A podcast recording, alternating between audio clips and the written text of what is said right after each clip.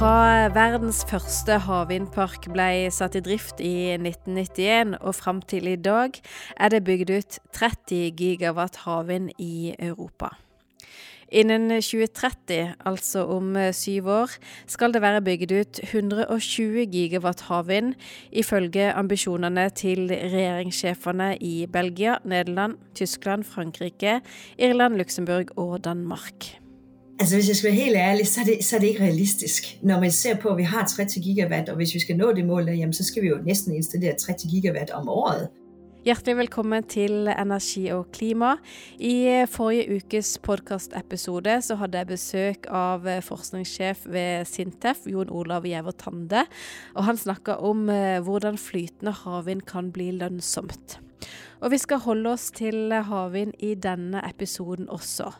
For selv om de politiske ambisjonene øker, så er røde tall i regnskapene til turbinprodusentene og deres underleverandører bare ett problem som står i veien for ambisjonene. Mitt navn er Kirsten Øystese, og dagens gjest er Kristina Aarbo. Tidligere mangeårig forsknings- og utviklingssjef i verdens ledende havvindselskap Ørsted. Og hun driver i dag selskapet Aarbo Energy.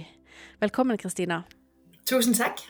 Du har eh, jobba innen vindkraft i tre tiår og har hatt lederstillinger i selskaper som eh, både Vestas og Ørsted, der du bl.a. var forsknings- og utviklingssjef i, fra 2012 til 2022.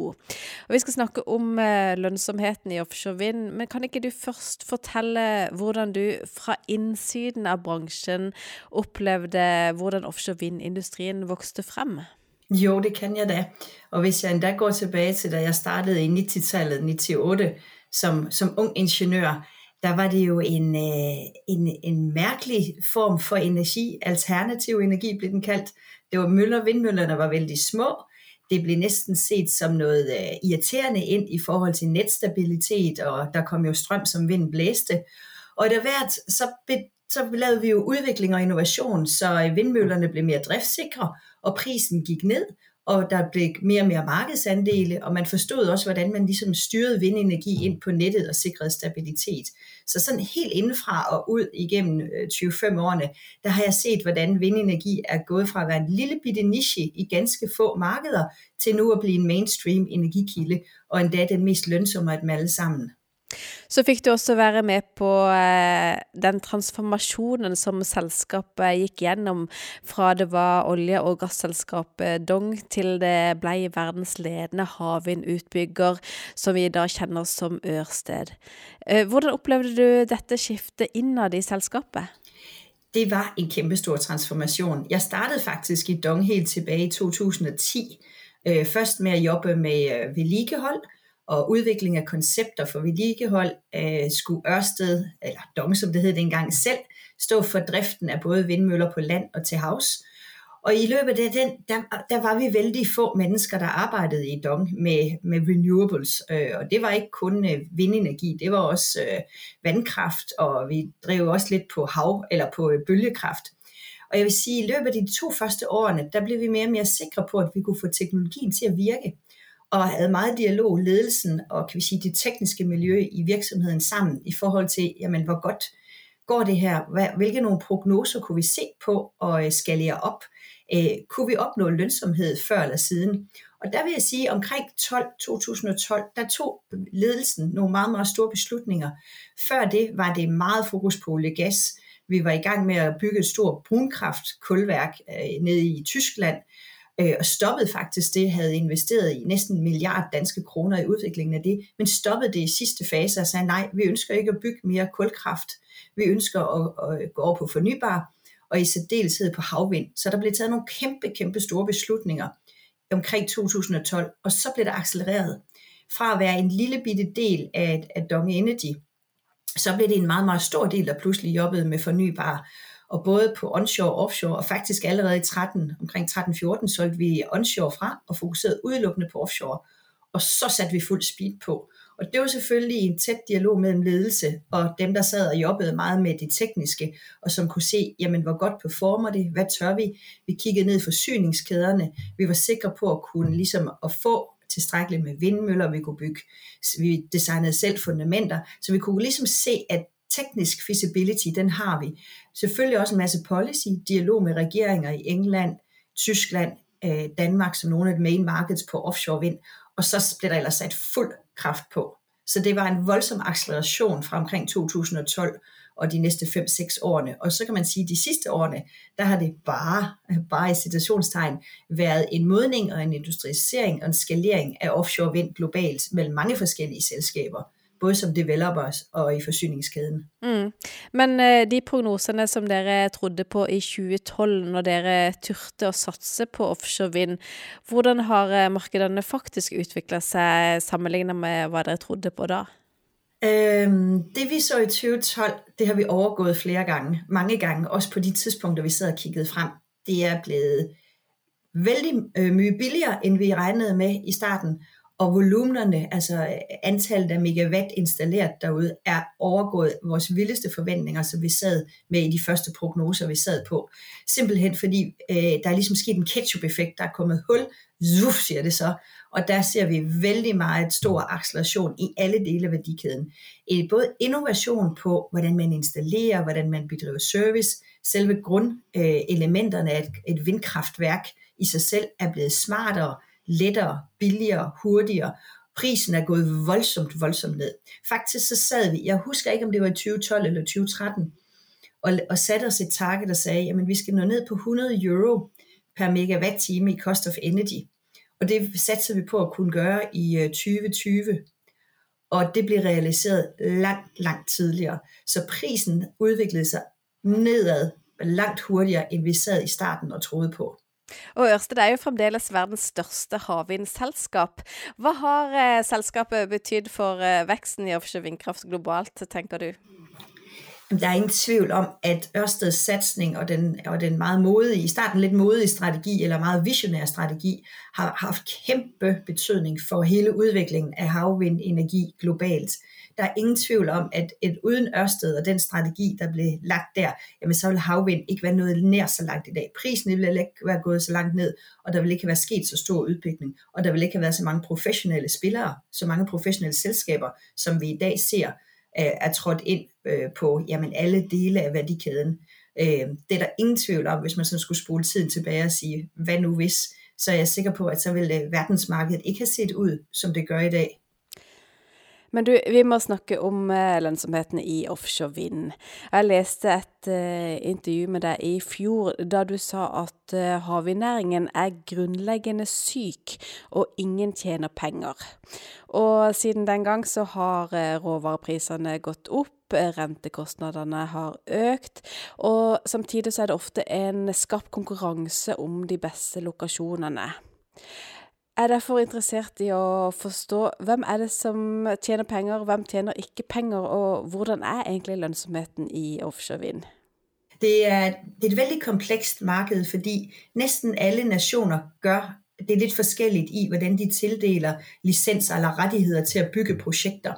Men hvis man sådan tager lidt summen af det jeg siger, langt de fleste af de store modne markeder, der er der en eller anden form for konkurrence om licenserne, en auction eller et tender, hvor regeringerne eller et body på vegne af regeringerne udbyder rettigheden til at bygge øh, på et bestemt stykke havbund.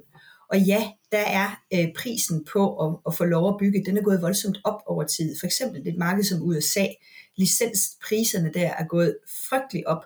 Og det vil sige, bare chancen for at bygge det koster mere og mere. Så mange tager penge op af lommen, bare for at få lov at være den, der potentielt kan bygge på et givet stykke havbund.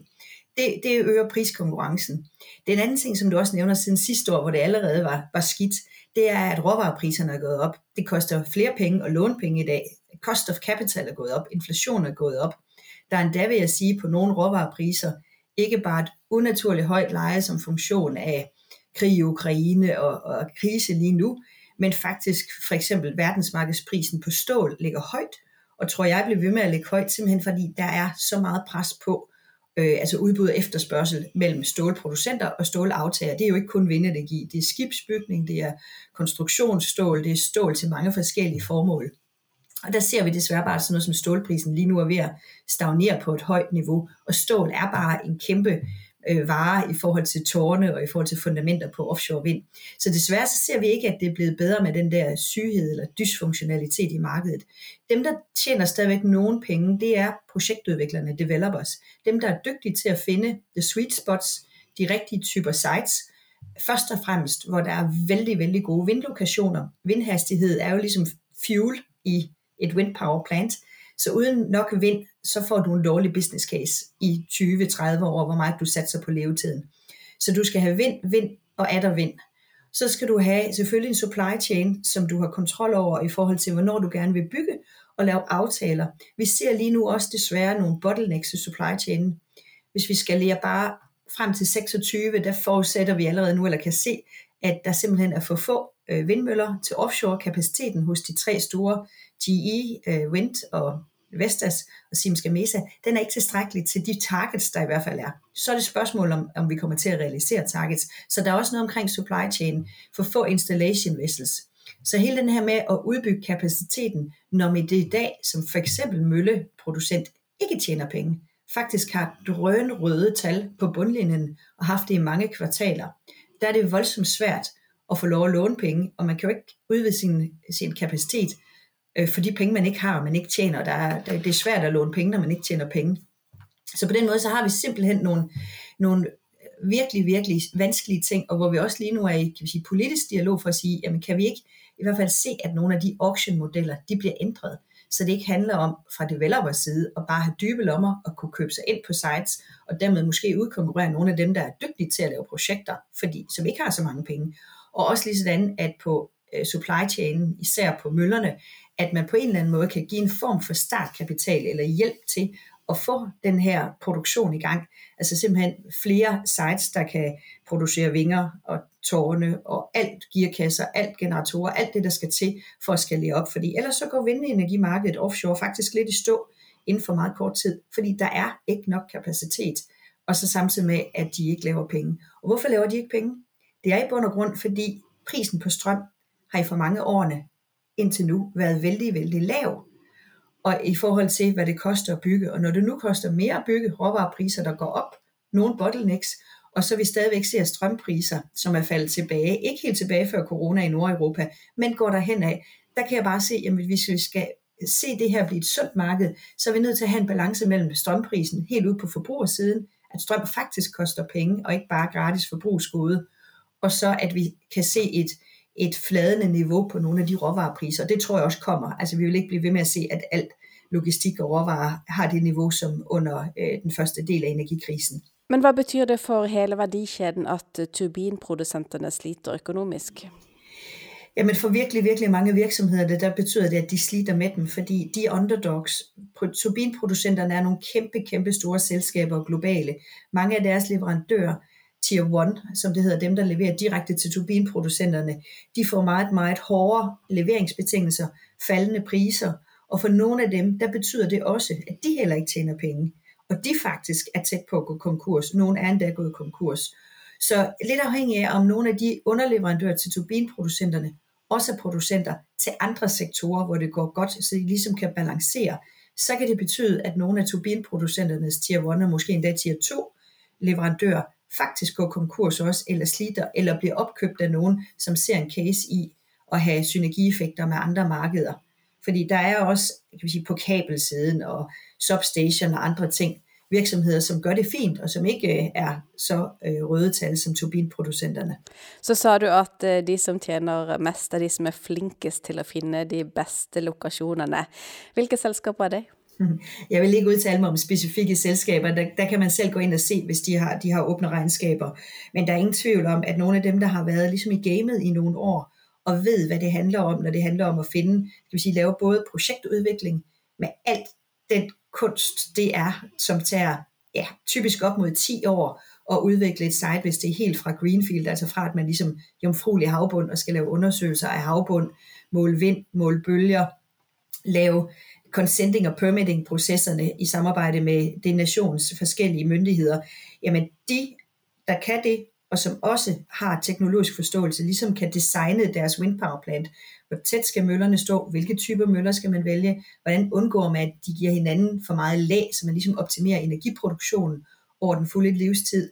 hvilke fundamentskoncepter, hvem skal designe de fundamenter, hvem skal producere de fundamenterne, hvordan laver man inter-array cables, så det er optimeret til mindst muligt tab af strøm øh, undervejs og lavest mulig pris. Hele det der design af et wind power plant, hvor mange substations skal man have, hvilken type skal det være, skal operation og maintenance foregå ved hjælp af en stor special operation vehicle, altså et stort vessel derude, eller transporterer man folk frem og tilbage, eller bygger man, som det kommer i fremtiden, også et kraft, vindkraftværk i nærheden af en energiø, så man måske har en base på en ø frem, på, frem inde på kysten. Så der, der er super mange parametre i den øh, kæmpe, kæmpe regnestykke med mange modeller. Mange sidder har virkelig egenhavs produceret altså simuleringsmodeller til at optimere, hvordan man designer et wind power plant. Og ikke bare designer det, men designer det for fuld lifetime, inklusiv øh, operation og decommissioning. Mm.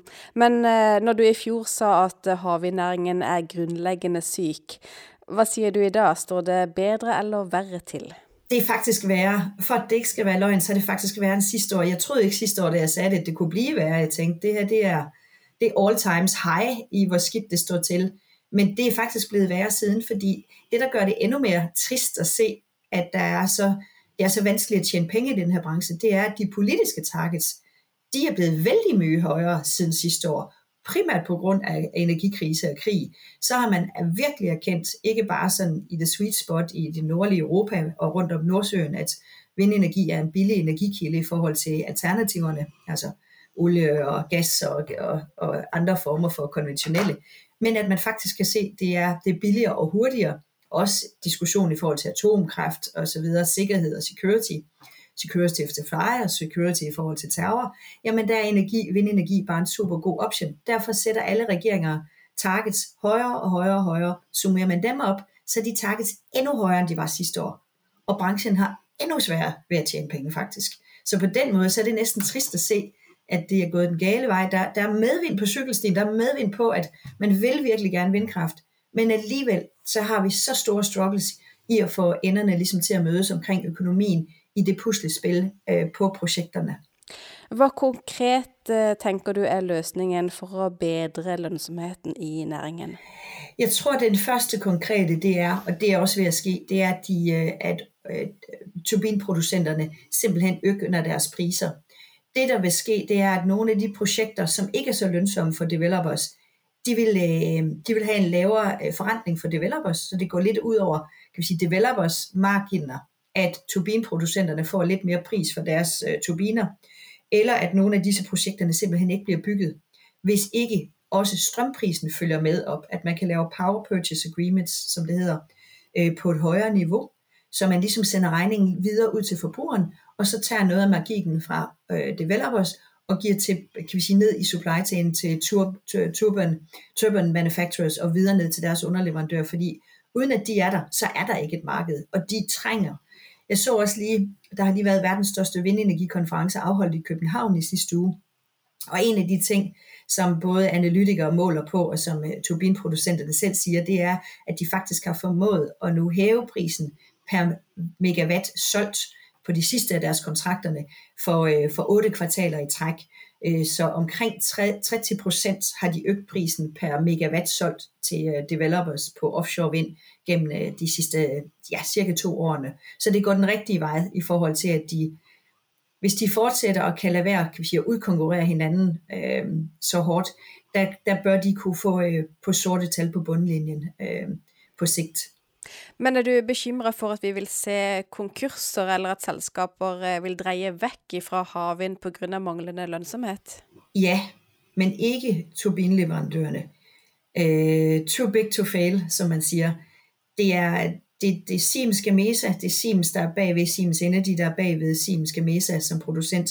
Vestas er en kæmpe, kæmpe virksomhed, og med, med en stor skal vi sige, aksespredning. Der er mange aktionærer, der har interesse i, at det selskab det, det kører. Og så endelig så er der General Electric, som også er en gigantisk virksomhed. Jeg tror ikke, de tre går konkurs.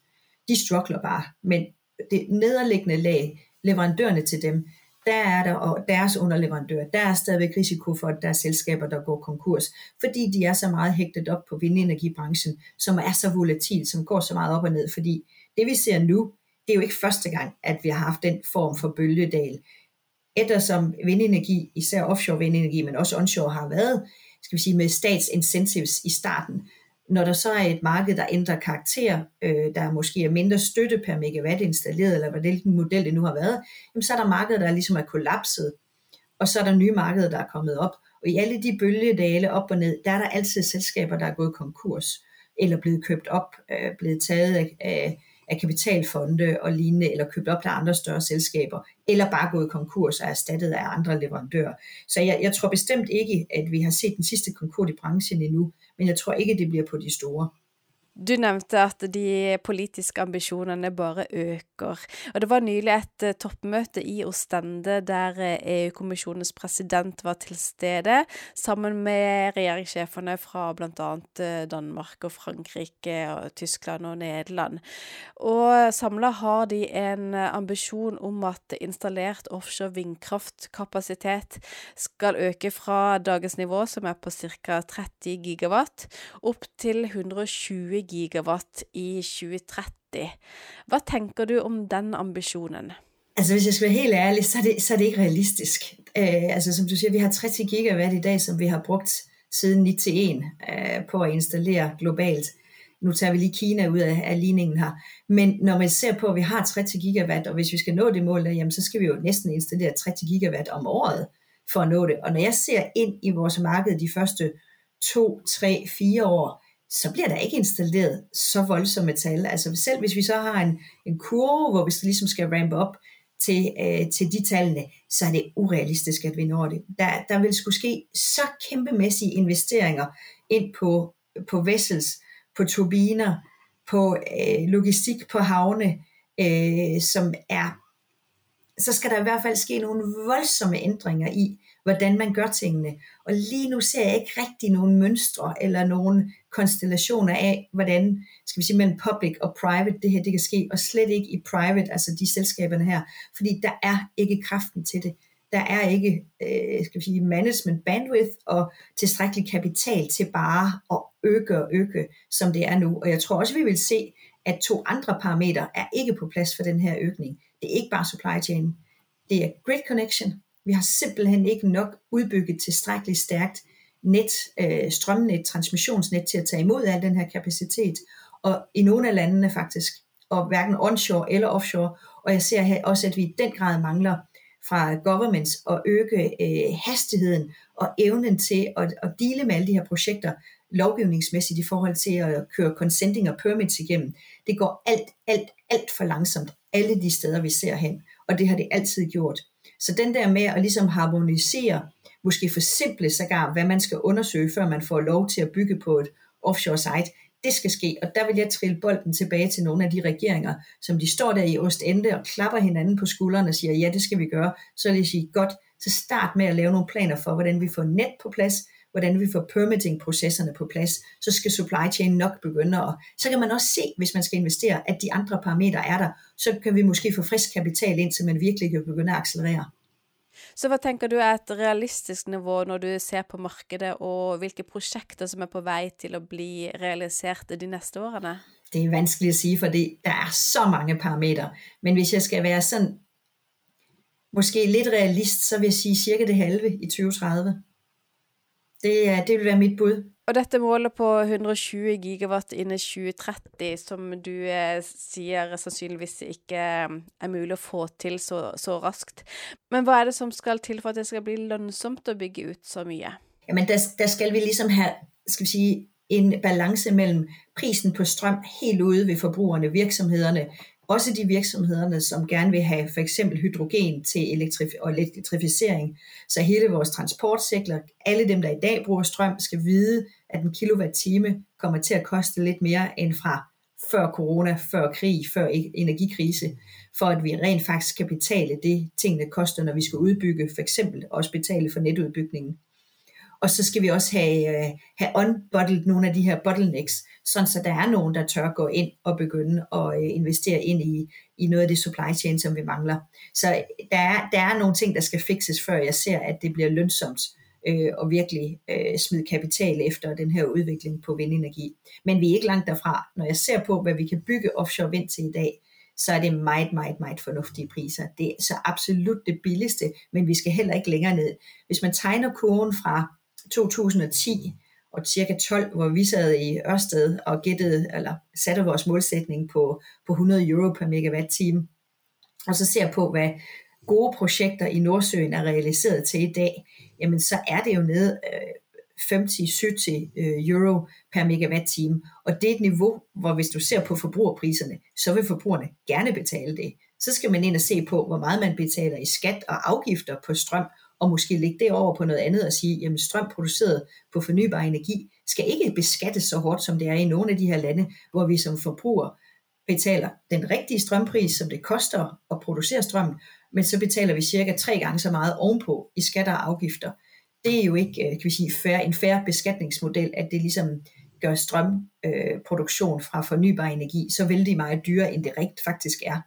Vi i Norge har jo vært bortskjemt med rimelige strømpriser, så for eh, nordmenn høres kanskje 50 og 70 euro per eh, megawatt-time mye ut, hvis vi sammenligner med hvad vi var vant med for et par år siden i hvert fall. Ja, det er rigtigt. Og der må man også sige, altså Norge øh, og andre steder, som har næsten haft gratis strøm, Sverige lidt det samme, øh, set placeringer af meget, meget strømintensive øh, virksomheder, Altså jeg tror, at man vil begynde at se næsten en, en naturlig harmonisering af strømpriserne rundt omkring i verden, fordi det er, det er og bliver et globalt marked, især når strøm ikke længere bare er strøm gennem kabler, hvor vi selvfølgelig bliver tæt forbundet, også for at få forsyningssikkerhed, men også at noget af strømmen bliver transformeret via hydrogen, altså brint, til andre former for flydende brændstoffer, også for at få kan vi sige, den benefit fra fornybar energi ud på fly og både og alle mulige andre energikilder, som stadigvæk er hægtet voldsomt op på den fossile verden i dag.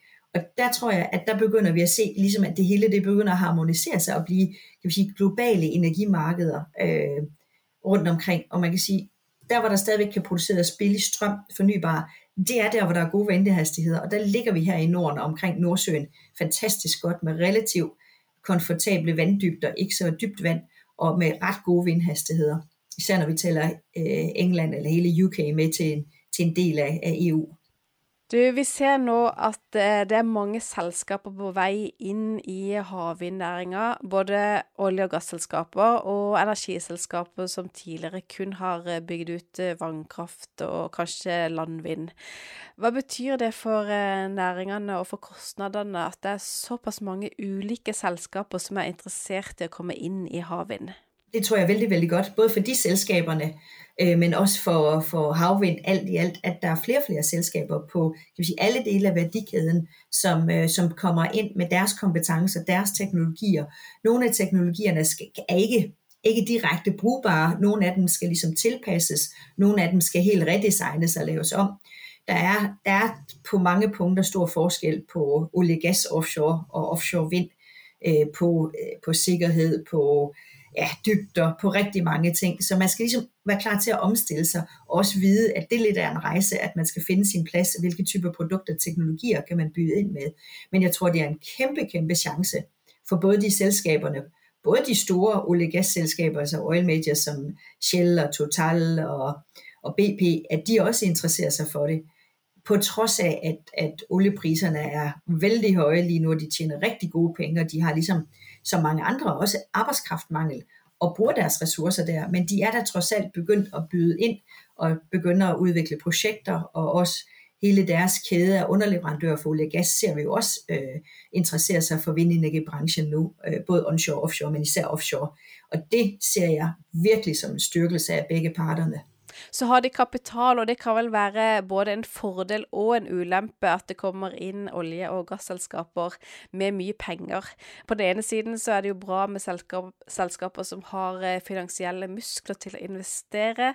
Samtidig så har de jo råd til å by det som må til for å vinne en auksjon, hvis det er det som skal til for at de kommer inn i næringen og skaffer sig erfaring. Lige præcis. De har dybe lommer, de har mange penge, de tjener stadigvæk mange penge, de er ikke lige ved at løbe tør for cash. Så de har dybe lommer og kan gå ind og tage projekter og ligesom bygge deres kommende projektpipeline op med, med muligheder, altså projekter, der skal bygges i fremtiden, og betale vældig mange penge for det, hvor de på den måde, kan vi sige, lægger øget pres på nogle af de etablerede, mindre ofte, øh, ja, developers fra Tyskland og UK og så videre, der ligesom er udsprunget af, af konventionel øh, øh power generation på land, altså RWE og så videre, Vattenfall, ja, så gav også Ørsted, men som ikke har så vældig store øh, kapital bag sig. Og der kan jeg se, at der, der er i hvert fald en risiko for en, en uperfekthed i markedet, ved at, at evnerne øh, hos de nye selskaberne er ikke voldsomt store, erfaringen er ikke voldsomt stor, men fordi de har så meget kapital, kan de gå ind og ligesom tage markedsandele, og også bygge projekter, der ikke måske er særlig optimale eller velgennemførte, men det gør ikke så meget, fordi de har råd til også at have nogle lærepenge i de første projekterne. Og der kunne man sige, fra Societys synspunkt, ville det måske være bedre, hvis de projekterne var udført af nogen, der rent faktisk havde track record, havde øh, knowledge omkring, hvad de foretog sig, lavede bedre projekter alt i alt, øh, også i forhold til øh, at få mest mulig strøm for pengene, uanset hvem der betaler og investerer i det, så skal, så skal der jo øh, laves bedst mulige projekter, øh, så mindst mulig kapital til højst mulig kilowatt-time, det er altid det optimale. Det er et poeng som jeg har lyst til å komme inn eh, på avslutningsvis. Du nevnte Kina. Europa har jo vært eh, ledende innen offshore vind, men Kina har kommet for full fart inn de siste to-tre årene. Og nå har de eh, like mye eller mer offshore vind installert som Europa har til sammen. Hva betyr veksten i Kina for både tempo i utbygging og for lønnsomheten i offshore vindkraft? Eh, jamen, jeg vil si Kinas offshore-marked, som er meget kinesiske producenter i alle led, kinesiske developers, de store statskontrollerede utilities, der har udviklet øh, kinesisk offshore, det er ikke så meget anderledes end det, der skete i onshore på Kina øh, gennem de sidste 15 årene. Da den kinesiske regering lavede første femårsplan omkring fornybar energi, besluttede de sig simpelthen for at blive øh, verdensmester selv og tiltrak temmelig mange udefra øh, ved at åbne markedet og alle kunne konkurrere på lige vilkår, øh, bliver der ligesom sagt, åbne auctions på onshore, og efter få årene, der lukkede de ligesom markedet ned, forstået på den måde, at kontrakterne gik så kun til kinesiske selskaber, som langt hen ad vejen havde tilpasset teknologi efter europæiske selskaber, blandt andet på mølleleverandørerne. Og der vil ske lidt det samme offshore. Kina er blevet verdens største marked på offshore, og det er, det er jeg og mange andre også forudset, øh, at de så nu begynder at have et prisniveau blandt andet på offshore møller, som er vældig, vældig konkurrencedygtige, og hvor de også gerne vil sælge til europæiske projekter eller projekter uden for Kina. Det bliver jo så interessant, om både selskaberne, der udvikler projekter i omkring Nordsøen for eksempel, eller de regeringer, der øh, skal vi sige, ser den øh, energikilde komme ind, vil acceptere, at det er potentielt baseret på kinesisk teknologi. Det giver jo tilbage til en diskussion, som vi tidligere har haft på på internet og 5G-netværk og andre ting. Altså er det kritisk infrastruktur? Vil vi acceptere sådan rent geopolitisk, at Kina bliver en stor spiller på vores energiforsyning? Og det er lidt et åbent spørgsmål. Jeg har ikke set endnu nogen regeringer hverken sige til eller fra. Jeg har hørt flere developers sige, at de, de overvejer, at de undersøger priser i forhold til skal vi sige, fordele og ulemper, terms and conditions, ved at købe fra kinesiske leverandører. Og jeg kan konstatere, at mindre developers, især i jeg vil sige, periferien af offshore-markeder på mindre projekter i Sydeuropa, er begyndt at lukke kontrakter med de første kinesiske mølleleverandører. Og så skal vi også derudover huske, at mange af komponenterne i møllerne fra de store europæiske spillere, der kommer komponenterne faktisk ud af Kina. Så en del af forsyningskæden er i dag de facto kinesisk på komponentniveau, også til, øh, til GE og Siemens og Vestas. Mm. Men øh, med de utfordringene i forsyningskjedene i Europa i dag, er det da grunn til å forvente eller eventuelt frykte at Kina vil ta en større del av dette markedet? Øhm, ja, det vil jeg sige, fordi det vil de forsøge på. Og så kan man jo synes, det er i orden eller ej. Øh, det, øh, vi går også alle sammen i kinesiske sko og kinesisk tøj, og plæneklipperne er lavet i Kina osv. Og, og det er for mig at se bare endnu et eksempel på, at Kina har en meget, meget stærk industripolitik og har nogle sektorer, de satser på. Og der, der er energi øh, og vindenergi bare en af dem. Men vi må også sige, at vi ser også det flip side med, at vi nu har spionagesager i Danmark, hvor både russer og kineser og andre øh, infiltrerer energisektoren, vindenergisektoren, og forsøger via universiteterne, forskningsprojekter, men også private virksomheder, at få andel i nogle af de øh, forspring, som ligger i nogle af de her virksomheder og nogle af de forskningsmiljøer i Europa på vindenergi. Og det synes jeg ikke er okay. Det er, det er urent trav. Og i bund og grund bryder jeg mig heller ikke om, at den måde Kina agerer på på mange ting øh, omkring deres måde at kan vi sige, tage sektorer og udkonkurrere. Vi så det på solceller også øh, gennem de sidste 10-20 årene, hvor der i starten, øh, da teknologien ligesom blev opfundet, var solcelleproducenter øh, i USA, i Spanien, i Tyskland. Og i dag, der kan du næsten ikke købe et solcellepanel, der ikke er produceret i Kina. Og så må jeg spørre helt til slutt, for eh, Norge har også nå åpna for eh, havvind, eh, to områder som er åpna opp. Hva tenker du om den interessen vi ser for å bygge ut havvind i, i Norge, og potensialet? Jeg synes, det er veldig bra at se, at der endelig sker noget i Norge, fordi der er nogle rigtig gode lokationer med vældig meget vind. Der vil, det, vil, det er stadigvæk sådan lidt, skal vi sige, ude, der hvor der ikke bor så mange mennesker, så der skal udbygges meget med net for at få glæden af den havvind. Og så tror jeg, at Norge skal grundlæggende tage stilling til, vil vi vindenergi, der er billigt og hurtigt, så skal man gå tilbage til diskussionen omkring onshore og sige, der er måske randområder, ikke så meget op midt på fjellet, hvor man har hytterne, men lidt mere, kan vi sige, de kystnære områder, i stedet for at putte det lidt uden for kysten og offshore, hvor det ofte bliver vældig dybt, vældig hurtigt, og dermed meget dyrt, så kan man bruge øh, og lave en, skal vi sige, en hybrid nearshore eller på øerne, så det bliver onshore, og dermed billig. Så vil man have billig, hurtig strøm, eller vil man bruge det som et stepping stone til at katalysere nogle virksomheder, nogle bedrifter, som går fra olie og gas ind i offshore vind, ind i offshore floating, og tror på, at man kan blive en del af det marked, så det i virkeligheden mere er en udvikling af næringslivet, end det er selvforstyrning med strøm. Og der ser jeg lidt, at man i Norge vakler mellem de to. Man vil gerne begge dele, og det tror jeg faktisk bliver svært og vanskeligt at opnå begge dele godt. Der er man nok nødt til at sige, hvad vil vi egentlig? Det kan godt være, at man kan begge dele, men så skal man ligesom skille de tracks og sige, skal vi have billig strøm nu, så er det nok mere onshore og nogle bedre eller tættere lokationer, og tage den der NIMBY-effekt ved, øh, i diskussionen, eller vil vi være med til at udvikle et erhvervseventyr og tro på, at vi kan blive konkurrencedygtige på noget med flydende og noget med noget logistik og offshore løsninger transformeret off til offshore vind, så er det det. Og så er det, at der er nogle projekter i Norge, egentlig bare sådan en øveplads, en legeplads for den form for marked, men ikke noget, der batter til den norske energiforsyning. Fordi det, det er vældig dyrt, det der kommer til at foregå i Norge. Det er ingen infrastruktur, ingen havne, alt skal bygges, kæmpe floaters, super dybt, se på, hvor meget stål, der bliver brugt under hver vindmølle til en floater frem for en bottom fixed. Mm. Ja, det er jo helt klart aktører som øh, ønsker å bygge ut også landvind i Norge, men øh, det er nok større entusiasme for havvind akkurat nå. Men du, du gikk jo ut av eh, Ørsted for halvannet års tid siden og driver nå for deg sjøl i eh, Åbo Energy. Hva er du i hovedsak eh, engasjert i akkurat nå? Jamen det jeg er mest opptatt av akkurat nu, det er å være skal vi si, vidensperson innenfor vindenergibransjen inn i styrelser. Jeg sitter i åtte selskaper hvor de syv af dem er direkte inden for, for offshore vinde, vindenergi, eller energi, vindenergi generelt, der er også lidt onshore i det. Og øh, skal vi sige, et split både mellem etablerede leverandører øh, i kan vi sige, de normale forsyningskæder, og så øh, innovation øh, nye teknologier, nye løsninger til især offshore, men også onshore på forskellige dele øh, omkring installation af vindmøller, tårne af træ i stedet for stål. Så det der mere kreative, innovative, langsigtede, synes jeg også igen som ingeniør og gammel forskningschef, at det er fantastisk at kan beskæftige sig med, og være med til at kan vi sige, give dem det rigtige track, den rigtige forståelse af markedet, så det ikke bliver et eller andet øh, eventyr, som, som falder til jorden en dag, fordi de ikke forstod at kunne læse markedet og ikke tale med de rigtige mennesker.